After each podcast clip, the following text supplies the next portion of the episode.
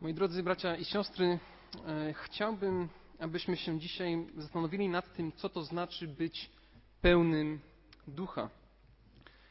Jest to pewien zwrot, który dzisiaj w różny sposób jest rozumiany, a jednak pismo wzywa nas do tego, żebyśmy byli pełni ducha. Dlatego ważne jest to, żebyśmy właściwie to rozumieli. I kiedy mówimy, że coś jest pełne, to mamy na myśli, że coś jest kompletne niczego temu nie brakuje. I skoro jesteśmy wezwani do tego, żebyśmy byli pełni ducha, oznacza to również, że możemy być nie pełni ducha. Tylko pytanie, jak to rozumieć, to napełnienie, biorąc pod uwagę, że każdy chrześcijanin, każda nowonarodzona osoba jest posiadaczem Ducha Świętego od momentu nawrócenia, o czym świadczy list do Rzymian, 8 rozdział, werset 9. Ale wy nie jesteście w ciele, lecz w duchu jeśli tylko Duch Boży mieszka w Was, jeśli zaś kto nie ma Ducha Chrystusowego, ten nie jest Jego. Jeśli ktoś ma Ducha, ten jest w Chrystusie. Kto nie ma Ducha, nie jest w Chrystusie. Także można posiadać Ducha Świętego, a jednak nie być pełnym Ducha. No to o co w tym chodzi? I myślę, że najlepiej można to zobrazować w ten sposób. Jest to trochę jak kupienie nowego samochodu. Ale przez to, że się umie przykręcić kluczyków w aucie, to pcha, pcha się go na miejsce, na które normalnie by się pojechało. Albo jak kupienie nowej pralki, ale zamiast z nich skorzystać, przez to, że się nie umie włączyć programu, wykonuje się pranie ręcznie. Niby się coś posiada, ale z drugiej strony nie korzysta się w pełni z błogosławieństwa z tego posiadania.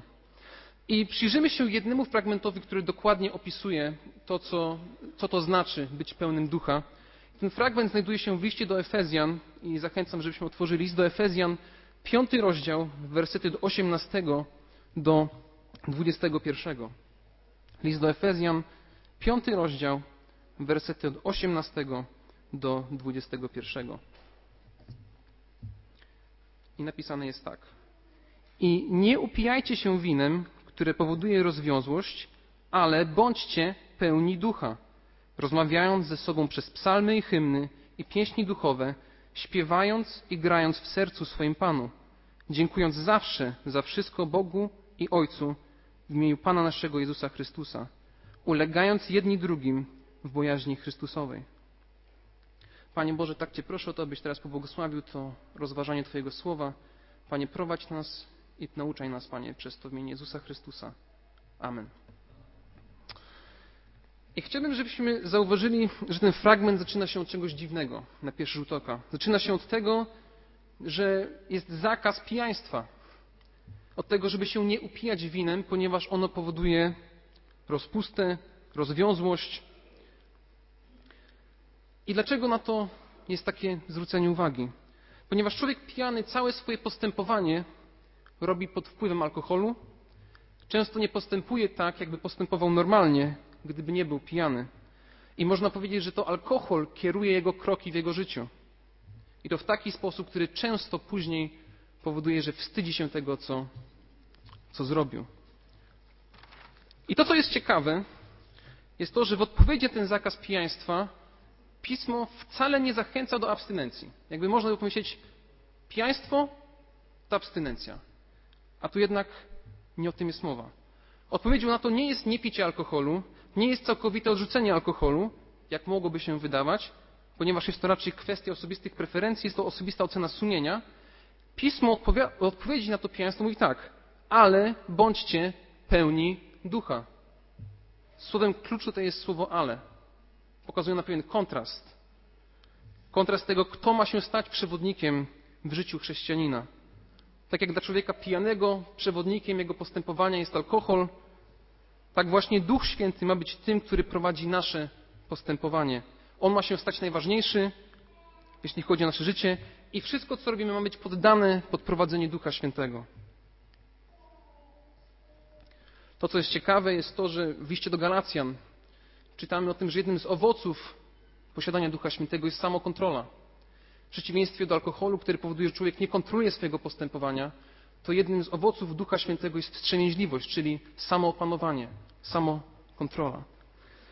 I w tym rozważaniu chciałbym się przyjrzeć czterem aspektom tego, co to znaczy być pełnym ducha, czterem aspektom bycia pełnym ducha. I pierwszym z tych aspektów, po pierwsze, jest to nakaz. I on obejmuje wszystkich wierzących. Nie jest to tylko ograniczone do pewnej grupy wierzących. Dla chrześcijan bycie pełnym ducha nie jest jedną z możliwości, którą możemy sobie wybrać. Pismo nie mówi, niektórzy z Was są pełni ducha, niektórzy z Was mogą być pełni ducha, a niektórzy z Was nie są pełni ducha. Pismo mówi, bądźcie pełni ducha. Jest to coś, o co mamy zabiegać i jest to dana nam przez Boga odpowiedzialność. I to, co jest ciekawe, że w następnych wersetach, jak spojrzymy na dalsze wersety od 22 aż do wersetu 9 rozdziału 6, widzimy, jaki ma efekt życie pełnym ducha w relacjach między ludźmi, w relacjach między mężem a żoną, między rodzicami a dziećmi, a nawet panami a niewolnikami. Innymi słowy, pod ten nakaz podlegają wszyscy wierzący, bez względu na zajmowane stanowisko, bez względu na to, kim są w rodzinie, każdy wierzący ma być pełen ducha. To również nie jest ograniczone tylko dla tych bardziej duchowych braci i sióstr. To nie jest ograniczone tylko dla pastora, bo pastor być pełen ducha, ja może nie. To nie jest ograniczone tylko dla starszych, dla liderów i to też nie jest monopol kościołów charyzmatycznych. Baptyści też mają być pełni ducha. Ponieważ każdy chrześcijanin ma być pełny ducha. Jest to nakaz dla ciebie, jest to nakaz dla mnie. I właśnie z tego powodu my, jako ludzie wierzący, powinniśmy pragnąć tego, żeby być pełni ducha. Kościół powinien pragnąć być kościołem pełnych ludzi, którzy są pełni ducha. Ale nie tylko, żeby pragnął, ale żeby faktycznie był kościołem pełnym ducha. Także pierwszym punktem jest to, że być pełnym ducha jest nakazem. Jest to dana nam przez Boga odpowiedzialność, jest to coś, do czego nas Bóg wzywa. Po drugie, nie jest to wydarzenie jednostkowe. Nie jest to wydarzenie, które następuje raz, raz człowiek uzyskuje Ducha Świętego, ale jest to ciągły proces, który powoduje, że Duch Święty ciągle nas napełnia. Zauważcie, że nie jest napisane i nie upijajcie się winem, które powoduje rozwiązłość, bo jesteście pełni ducha. Jest napisane, bo je, bądźcie pełni ducha, jest inny czas. Nie ma tu mowy o czymś dokonanym, a jest to coś, co trwa. Bądźcie pełni ducha. Inne polskie tłumaczenie tłumaczy to w ten sposób. Dbajcie o to, żeby duch mógł was stale napełniać. Dbajcie o to, starajcie się o to. To jest wasza odpowiedzialność. To jest nasza odpowiedzialność. Bycie pełnym ducha nie ma nic związanego z pewnym szczególnym włożeniem rąk, jakimś szczególnym namaszczeniem, a jest to ciągły proces w życiu chrześcijanina, który poddaje się pod prowadzenie Ducha Świętego. I myślę, że można to porównać do takiego dziurawego wiadra, do którego ciągle trzeba nalewać wody, inaczej będzie kapał. Jeżeli się nie nalewa, to koniec końców będzie puste. Jeżeli aktywnie nie zabiegamy o to, żeby być pełni ducha, to będziemy jego posiadaczami, ale nie żyjącymi pod jego wpływem.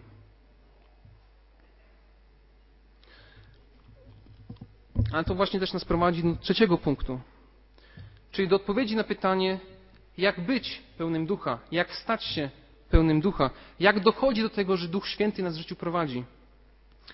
I żeby na te pytania odpowiedzieć, musimy zwrócić się do fragmentu, który jest do tego fragmentu równoległy, czyli zasadniczo mówiącego o tym samym.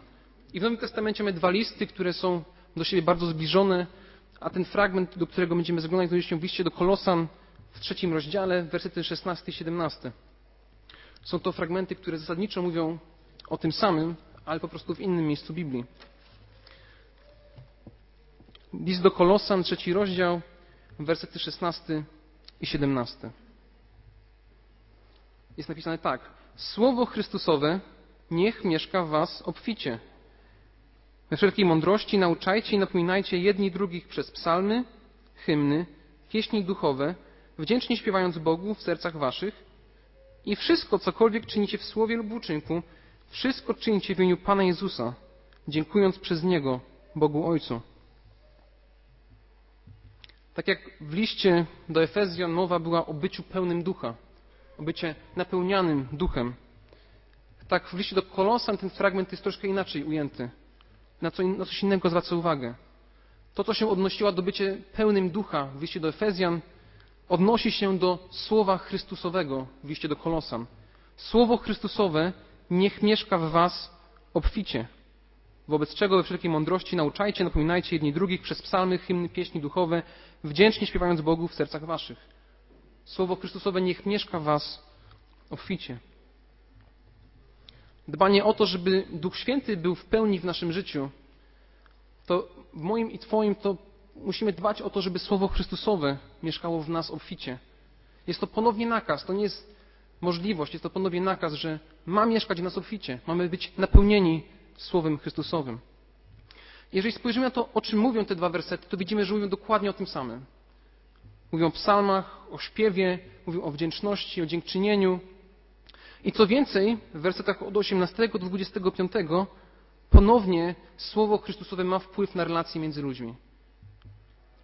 Znowu jest para mężowie, żony, dzieci, rodzice, panowie słudzy albo panowie niewolnicy. Zachęcam do tego, żeby się potem tym wersetom bliżej przyjrzeć. Ale skoro ponownie to dotyczy wszystkich chrześcijan, to co to właściwie znaczy, że Słowo Chrystusowe ma żyć w nas obficie, ma mieszkać w nas obficie? No jeżeli spojrzymy na kontekst całego listu do Kolosan, to zwracam szczególną uwagę na to, żeby skupiać swój wzrok na Jezusie, skupiać się na Chrystusie, ponieważ to Chrystus ma być źródłem naszego postępowania. Widać to chociażby również w wersecie 15. Jeżeli spojrzymy na werset wcześniej, w sumie dwa wersety wcześniej, 14 i 15, czytamy tak. A ponadto to wszystko przyobleczcie się w miłość, która jest spójnią doskonałości, a w sercach waszych niech rządzi pokój Chrystusowy, do którego powołani jesteście w jednym ciele i bądźcie wdzięczni, albo a bądźcie wdzięczni. Ten werset mówi o tym, że pokój Chrystusowy ma być tym, co rozwiązuje nasze konflikty między braćmi siostrami. To Jego Chrystus ma być źródłem tego naszego postępowania. Więc to, że Słowo Chrystusowe ma mieszkać w nas obficie, oznacza, że mamy poznawać coraz bardziej Chrystusa, Jego cudowność w prawdzie Jego słowa. Nasze postępowanie, nasze myślenie ma nim być motywowane. Coraz lepsze zrozumienie śmierci na krzyżu, płacącej za grzechy każdego, kto w Niego uwierzy. Coraz lepsze zrozumienie łaski, Jego sprawiedliwości, Jego miłości, Jego miłosierdzia. I właśnie to poznawanie Chrystusa, to chwytanie się tego, kim On jest, pobudza Ducha Świętego mieszkającego w nas do tego, żeby żyć przemienionym życiem, życiem coraz bardziej przypominającym Jezusa każdego dnia. Jeżeli zwrócicie uwagę ze mną do drugiego listu do Koryntian, jest werset, który mówi o tym dokładnie, to jest drugi list do Koryntian, trzeci rozdział, werset osiemnasty. Drugi jest do Koryntian, trzeci rozdział, werset osiemnasty. Jest napisane tak. My wszyscy tedy z odsłoniętym obliczem, oglądając jak w zwierciadle chwałę Pana, zostajemy przemienieni w ten sam obraz z chwały w chwałę, jak to sprawia Pan, który jest duchem. Oglądając jak w zwierciadle chwałę Pana, zostajemy przemienieni w ten sam obraz z chwały w chwałę, jak to sprawia Pan, który jest duchem. Więc jeżeli wpatrujemy się w Chrystusa, wpatrujemy się w Jego chwałę, w Jego majestat, tego, kim Chrystus jest, to to pobudza Ducha Świętego w nas do przemiany naszego życia, że stajemy się coraz bardziej tak jak Chrystus. Dlatego czytając Biblię, zawsze powinniśmy zadawać sobie pytanie, co to mi mówi o Jezusie. I to również wcale nie wyklucza Starego Testamentu. Przecież po zmartwychwstaniu, kiedy Jezus pojawił się wśród swoich uczniów, wszedł z dwoma uczniami idących do Jerozolimy i czytamy, że począwszy od Mojżesza przez wszystkich proroków wykładał im, co o nim było napisane we wszystkich pismach. Od Mojżesza do wszystkich proroków, czyli cały Stary Testament, również mówi nam o Jezusie. Innymi słowy, potrzebujemy więcej Jezusa w naszym życiu, potrzebujemy więcej Jezusa każdego dnia, potrzebujemy Ewangelii każdego dnia, ponieważ to jest to, co powoduje, że jesteśmy pełni ducha. Czwarta rzecz, na jaką chciałbym zwrócić uwagę, to jest czym się charakteryzują ludzie mający pełnię ducha. Co to znaczy, że ludzie mają, że są w pełni ducha? I o tym mówią wersety od 18 do 21 z naszego fragmentu. Dlatego, jeżeli macie Biblię, wróćmy do listu do Efezjan 5 rozdziału i zwróćmy na wersety od 19 do 21.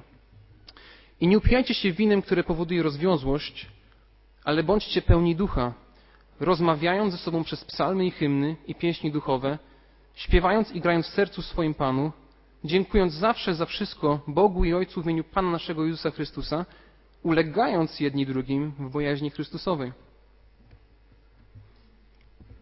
Te wersety mówią o tym, co charakteryzuje ludzi będących, ludzi mających pełnię, pełnię ducha. I zwróćcie uwagę, że zanim przejdziemy tego, co charakteryzuje ludzi mających pełnię ducha, musimy powiedzieć o tym, co nie charakteryzuje ludzi pełnych ducha, o czym nie jest napisane. Po pierwsze, nie, ma, nie jest napisane o jakichś duchowych ekscytacjach, jakichś wyjątkowych, specjalnych duchowych przeżyciach, jak to czasami może się wydawać, że jak się ma pełnię ducha, to się coś wyjątkowego przeżywa. Pewne specjalne przeżycia duchowe, pewne doświadczenia duchowe, które czasami są utożsamiane właśnie z byciem w pełni duchu, wcale ten fragment na to nie wskazuje. Jeżeli się w ogóle zastanowimy nad tym, to to, że Chrystus już odkupił grzeszników, zrobił z nich ludzi, którzy są w stanie Go naśladować, to już coś w samym sobie jest wyjątkowe. Jesteśmy w stanie żyć i naśladować Chrystusa. Natomiast to, co jest widoczne w tym fragmencie, jest owoc uświęcenia Ducha Świętego w naszym życiu. I jest on podzielony na kilka części. Po pierwsze, w wersecie 19 jest mowa o tym, że rozmawiając z sobą przez psalmy i hymny i pieśni duchowe, wdzięcznie śpiewając i grając w sercu swoim Panu. Pierwsza rzecz, która się do tego odnosi, to są rozmowy, czy też to, co wychodzi od nas na zewnątrz, jak w jaki sposób razem ze sobą się odzywamy. Odniesione to jest do psalmów i hymnów, czyli pieśni chwalących Boga. Jest to jeden z powodów, dla których na nabożeństwie, pieśni śpiewane na nabożeństwie mają mówić prawdę o Bogu. Mają wychwalać Boga, ponieważ my, jako ludzie posiadający Ducha Świętego, pragniemy chwalić Boga takim, jakim On jest. Mamy nie tylko mówić prawdę o Bogu, mamy również śpiewać prawdę o Bogu. Natomiast to nie ogranicza się tylko do śpiewu na nabożeństwie, ale dotyczy ogólnie spotkań z chrześcijanami. To jest mówiąc, rozmawiając z sobą. To jest kwestia wspólnoty.